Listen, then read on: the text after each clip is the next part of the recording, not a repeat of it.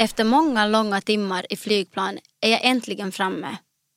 Flygvärdinnorna öppnar dörrarna och långsamt börjar kön av människor ringla sig ut ur flygplanet. Jag är trött men ivrig och lite spänd. Kön går alldeles för långsamt. Jag kan knappt vänta. Så stiger jag äntligen ut på flygplanstrappan och för första gången på 22 år andas jag den luften som borde ha varit min. Jag fyller lungorna med den höga bergsluften som luktar exotiskt av mat, natur och hönsskit. Lukten av Nepal. Där började mitt liv men det togs tidigt ifrån mig. Eller jag togs tidigt därifrån. Kalla det tur eller otur. Men det här är mitt liv. Jag heter Tika Savon Liljegren och idag är jag din sommarpratare. Vi hörde Nepals nationalsång. Två timmar med flyg och tolv timmar med bil från Nepals huvudstad Kathmandu. Där är jag född, i Koshitsun, Morang. Ute på landet, högt uppe bland bergen i Himalaya. Hela mitt liv, eller åtminstone så länge jag kan komma ihåg, har jag älskat naturen i Finland. Det som sen blev mitt hemland. Att man blir naturälskare när man är född på en sån underbart vacker plats är kanske inte så konstigt. Mina biologiska föräldrar, min bror och jag bodde i ett helt normalt stort hus, tak över huvudet och mat på bordet. Min pappa jobbade så ingen nöd gick det på oss. Kor och getter hade vi också. Inte så som man har här i Finland idag. Den som har kor eller getter har oftast en hel ladugård full. Vi hade bara en av var. Sådär för självhushållning. Vänner och familj fanns det gott om. Alla bodde tätt in på varandra. Men tråkiga saker inträffade och efter ett tag hämtades jag av en socialarbetare från Kathmandu och han förde mig till barnhemmet Balmandir.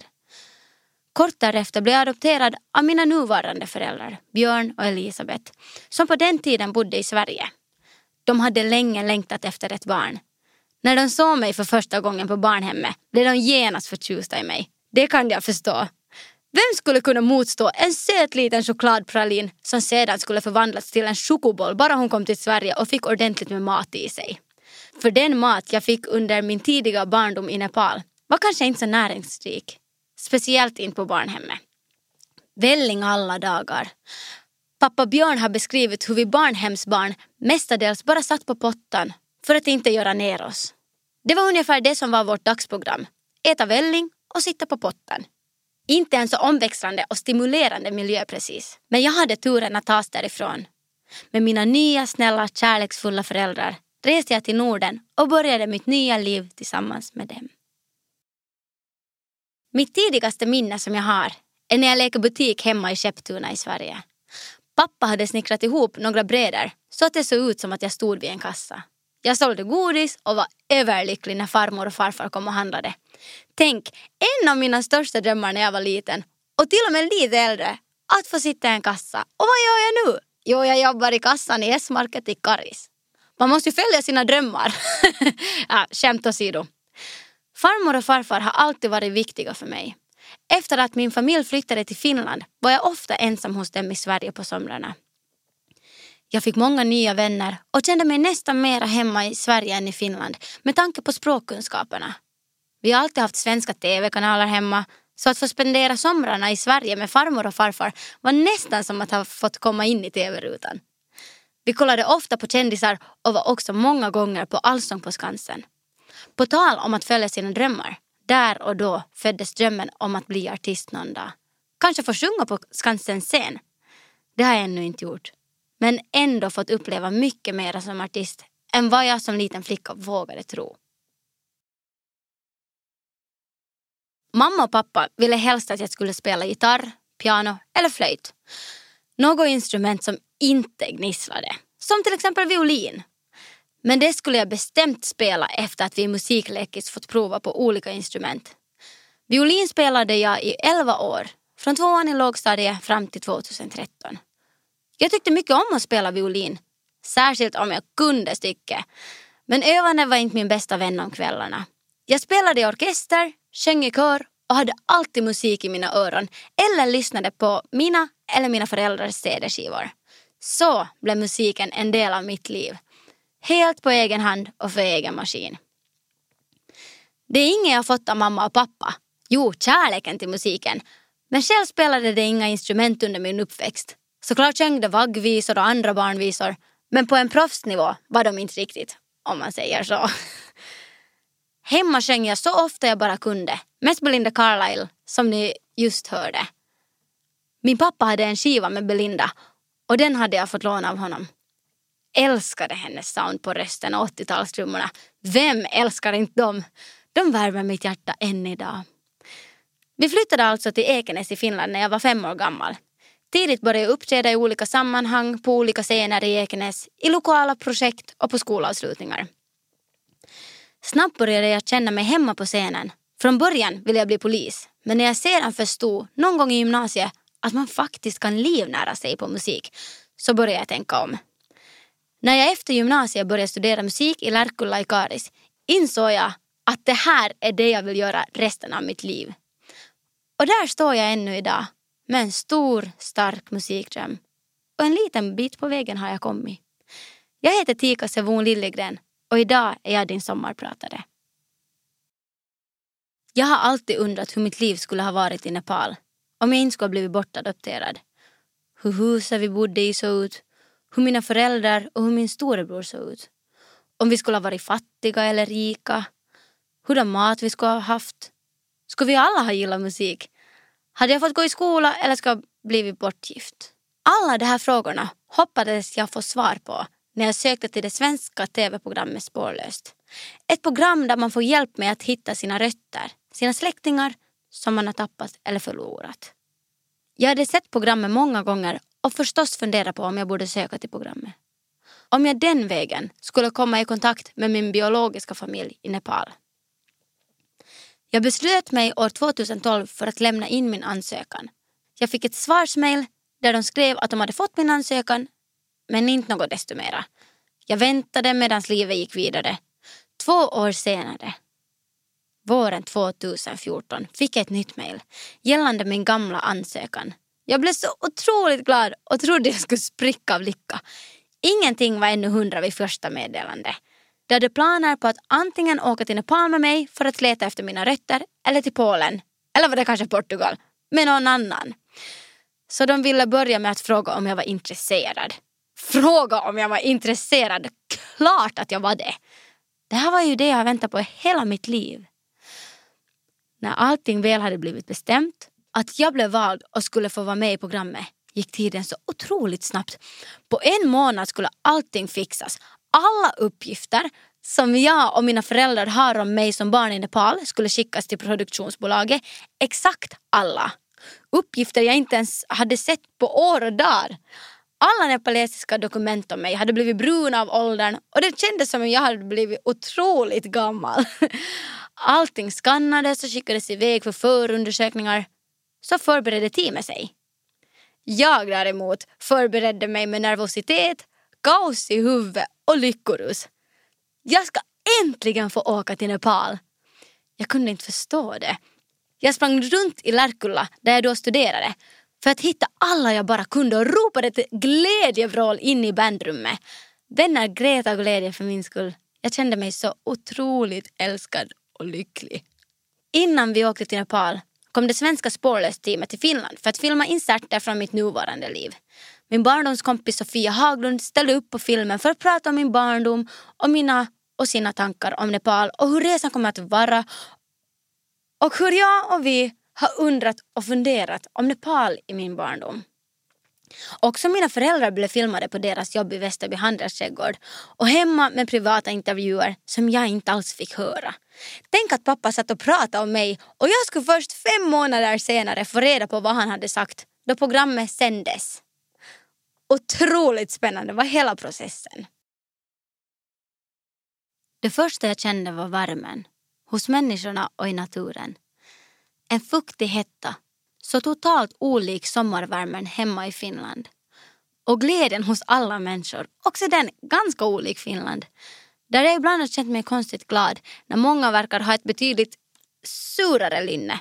Eller i alla fall inte så lätt att visa sin glädje. När vi kom till hotellet i Katmandu spelades det nepalesisk musik nästan hela tiden. Både inne på hotellet och på gatan utanför. Den var riktigt glad den också.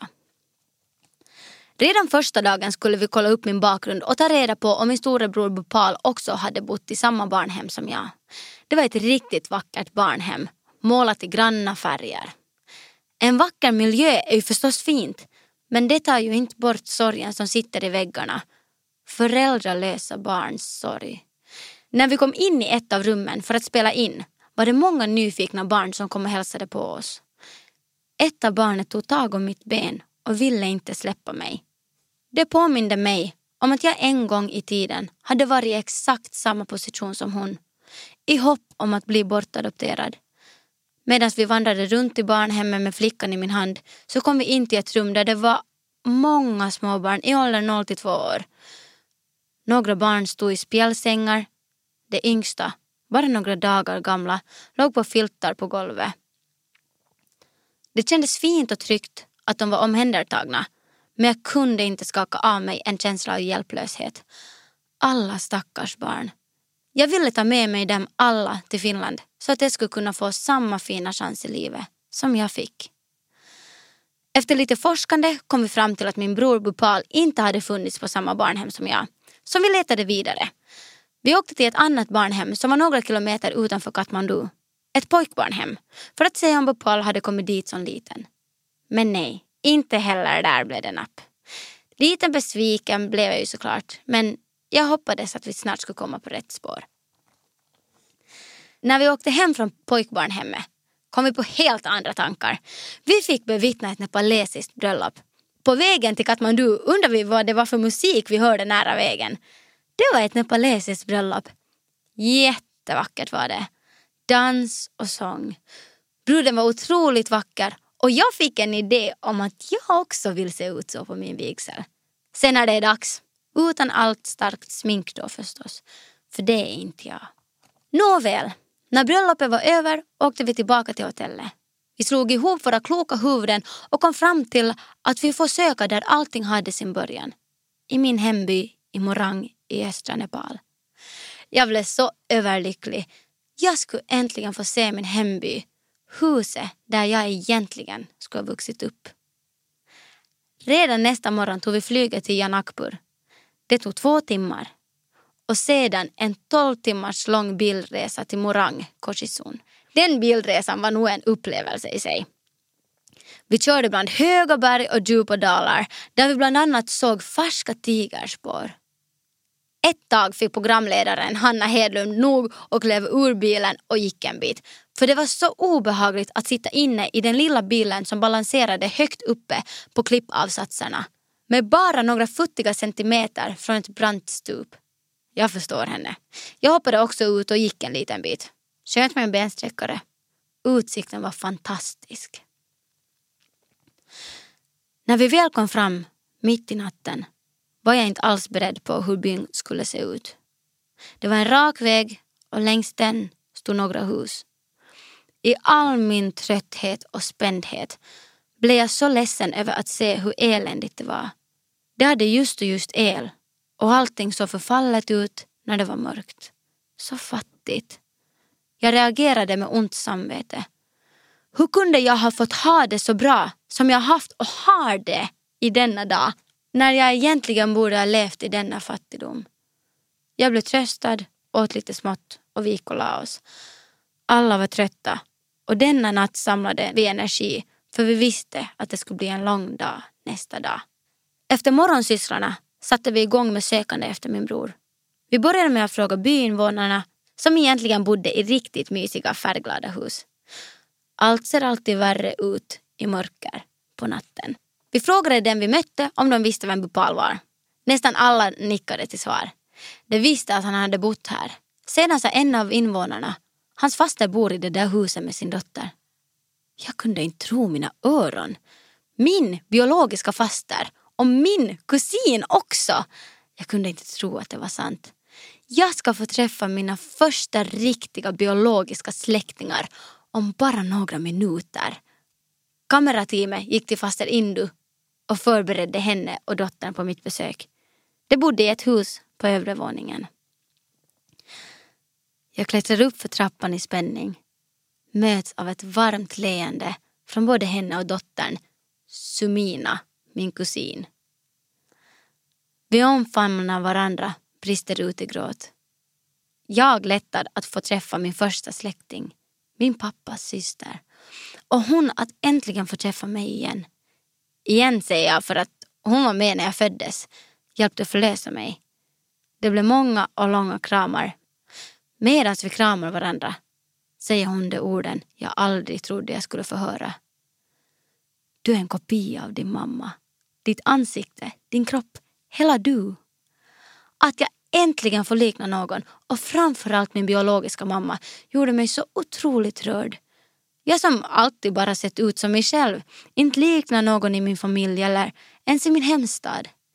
Jag känner mig så otroligt stolt över att få höra de orden. Och än idag bär jag upp mig och min kropp med stolthet och med hennes ord i mina tankar. När vi pratat en stund började vi traska mot huset där vi alla skulle ha varit en stor lycklig familj. Alla hus ligger så vackert, tätt intill varandra. När en gård tar slut börjar en annan, i en annan nivå av berget. När vi har gått en bit stannar faster upp och pekar. Där är ert hus. Jag kan inte tro mina öron och ögon.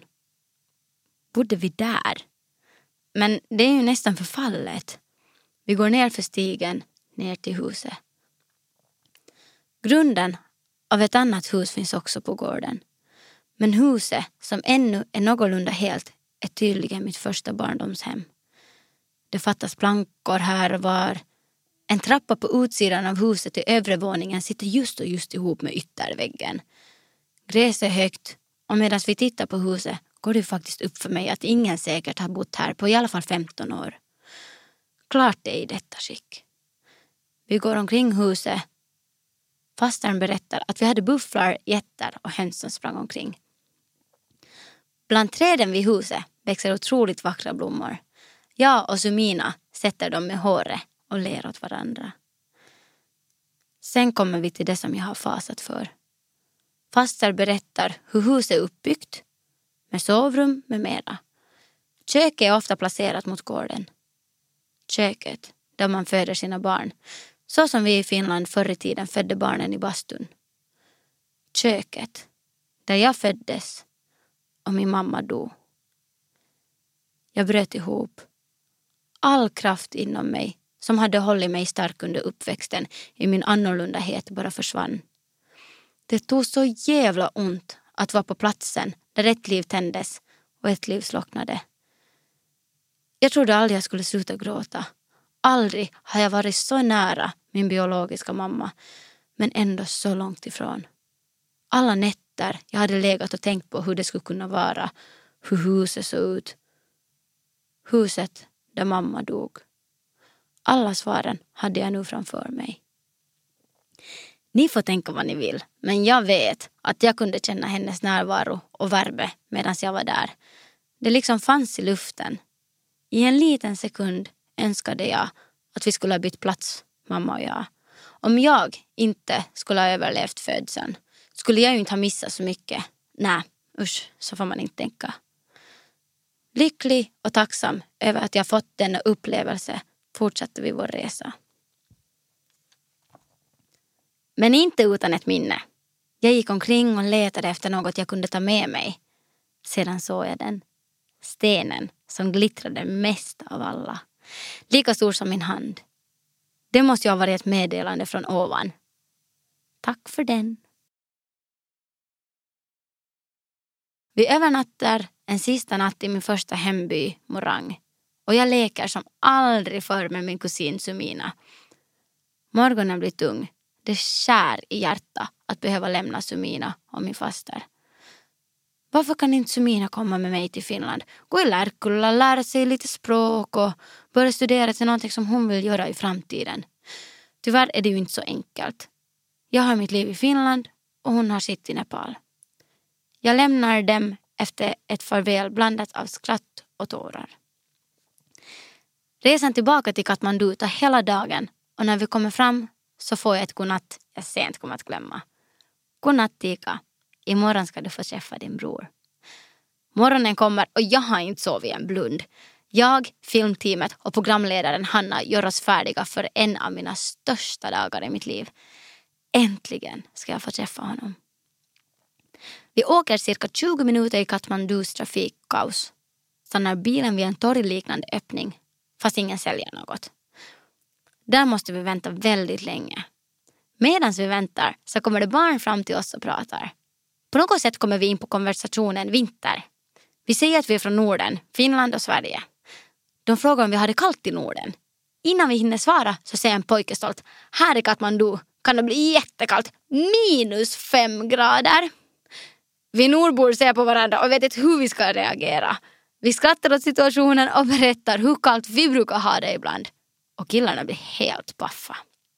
Efter en stund får jag äntligen tillsägelse att göra mig klar för att möta min bror. Jag blir nervös och alla mina sinnen är på helspänn.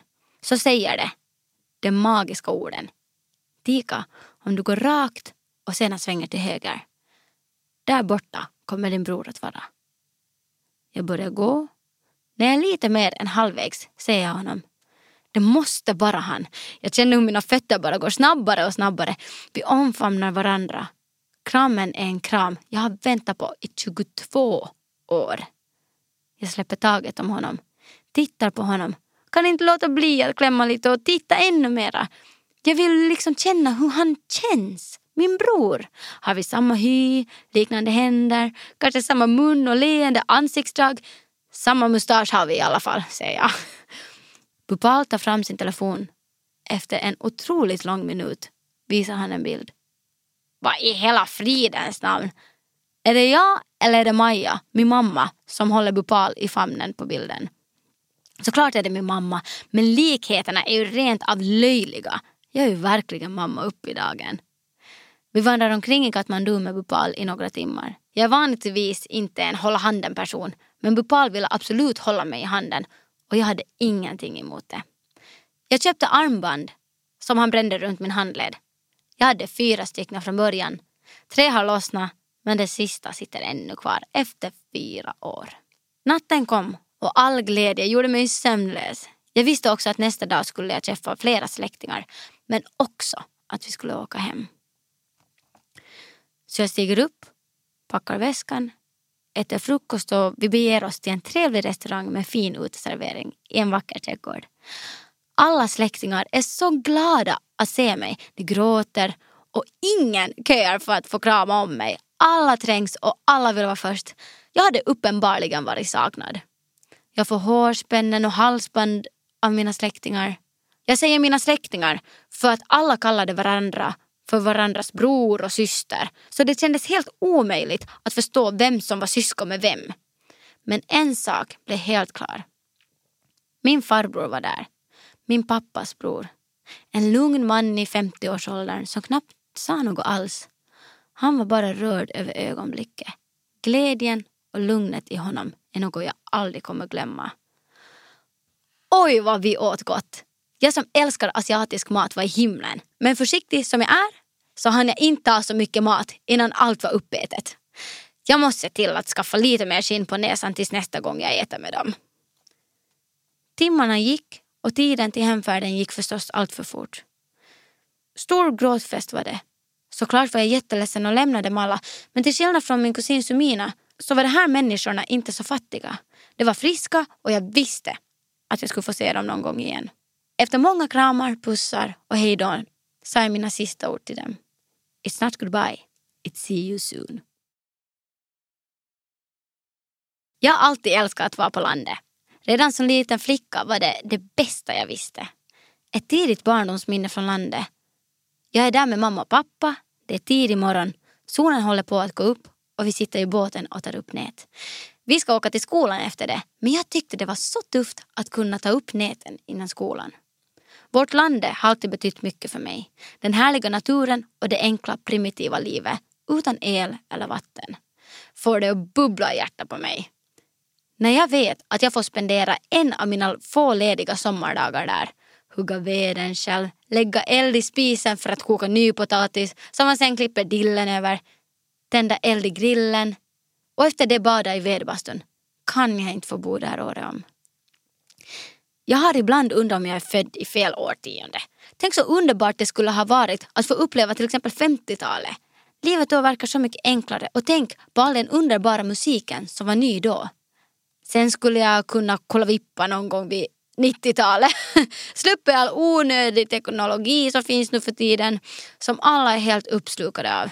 Vi glömmer bort våra egna liv i teknologins värld.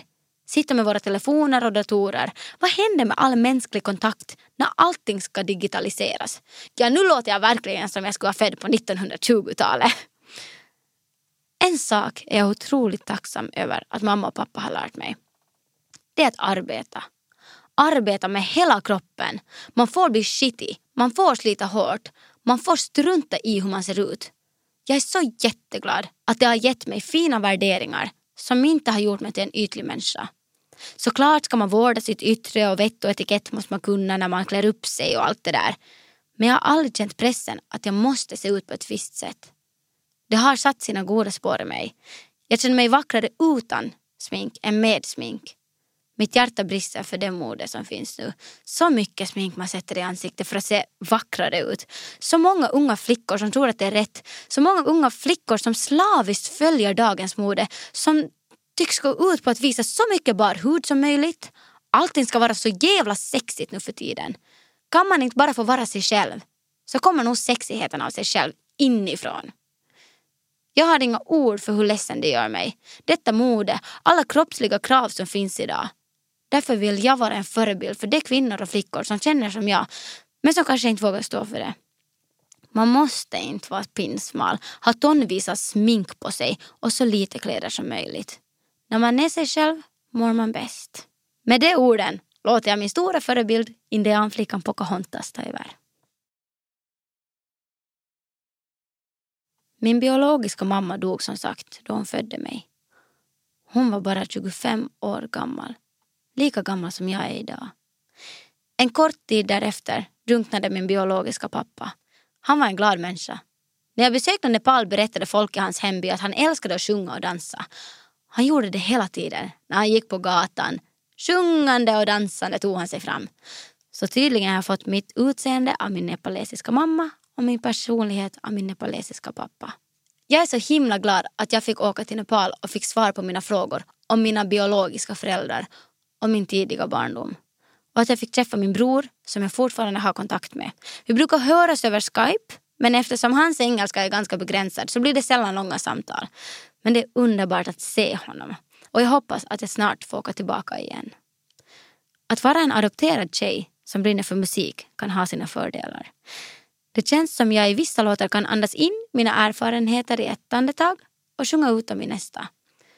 Jag hoppas att jag kan förmedla en tacksamhet för vad livet har lärt mig att vara tacksam. Tacksam över livet. Sluta aldrig att leva, älska och skratta. Jag kunde inte ha kommit till ett bättre hem. Min underbara mamma Elisabeth som jag på många sätt påminner om vi är båda små glada tjejer med varma hjärtan och stor envishet. Och fina pappa Björn har lärt mig så mycket, min artiga, glada, modiga pappa som framförallt har gett mig skinn på näsan. Tills nästa gång jag åker till Nepal och ska äta buffébord med släkten där hoppas jag som sagt att skinnet på näsan hinner växa till sig ännu tjockare. Tack mamma och pappa för att ni har gjort mig till den jag är idag. Och tack för att ni har gett mig. Ni är mig evigt kära. Jag heter Tika Svon Liljegren och jag har varit er sommarpratare idag.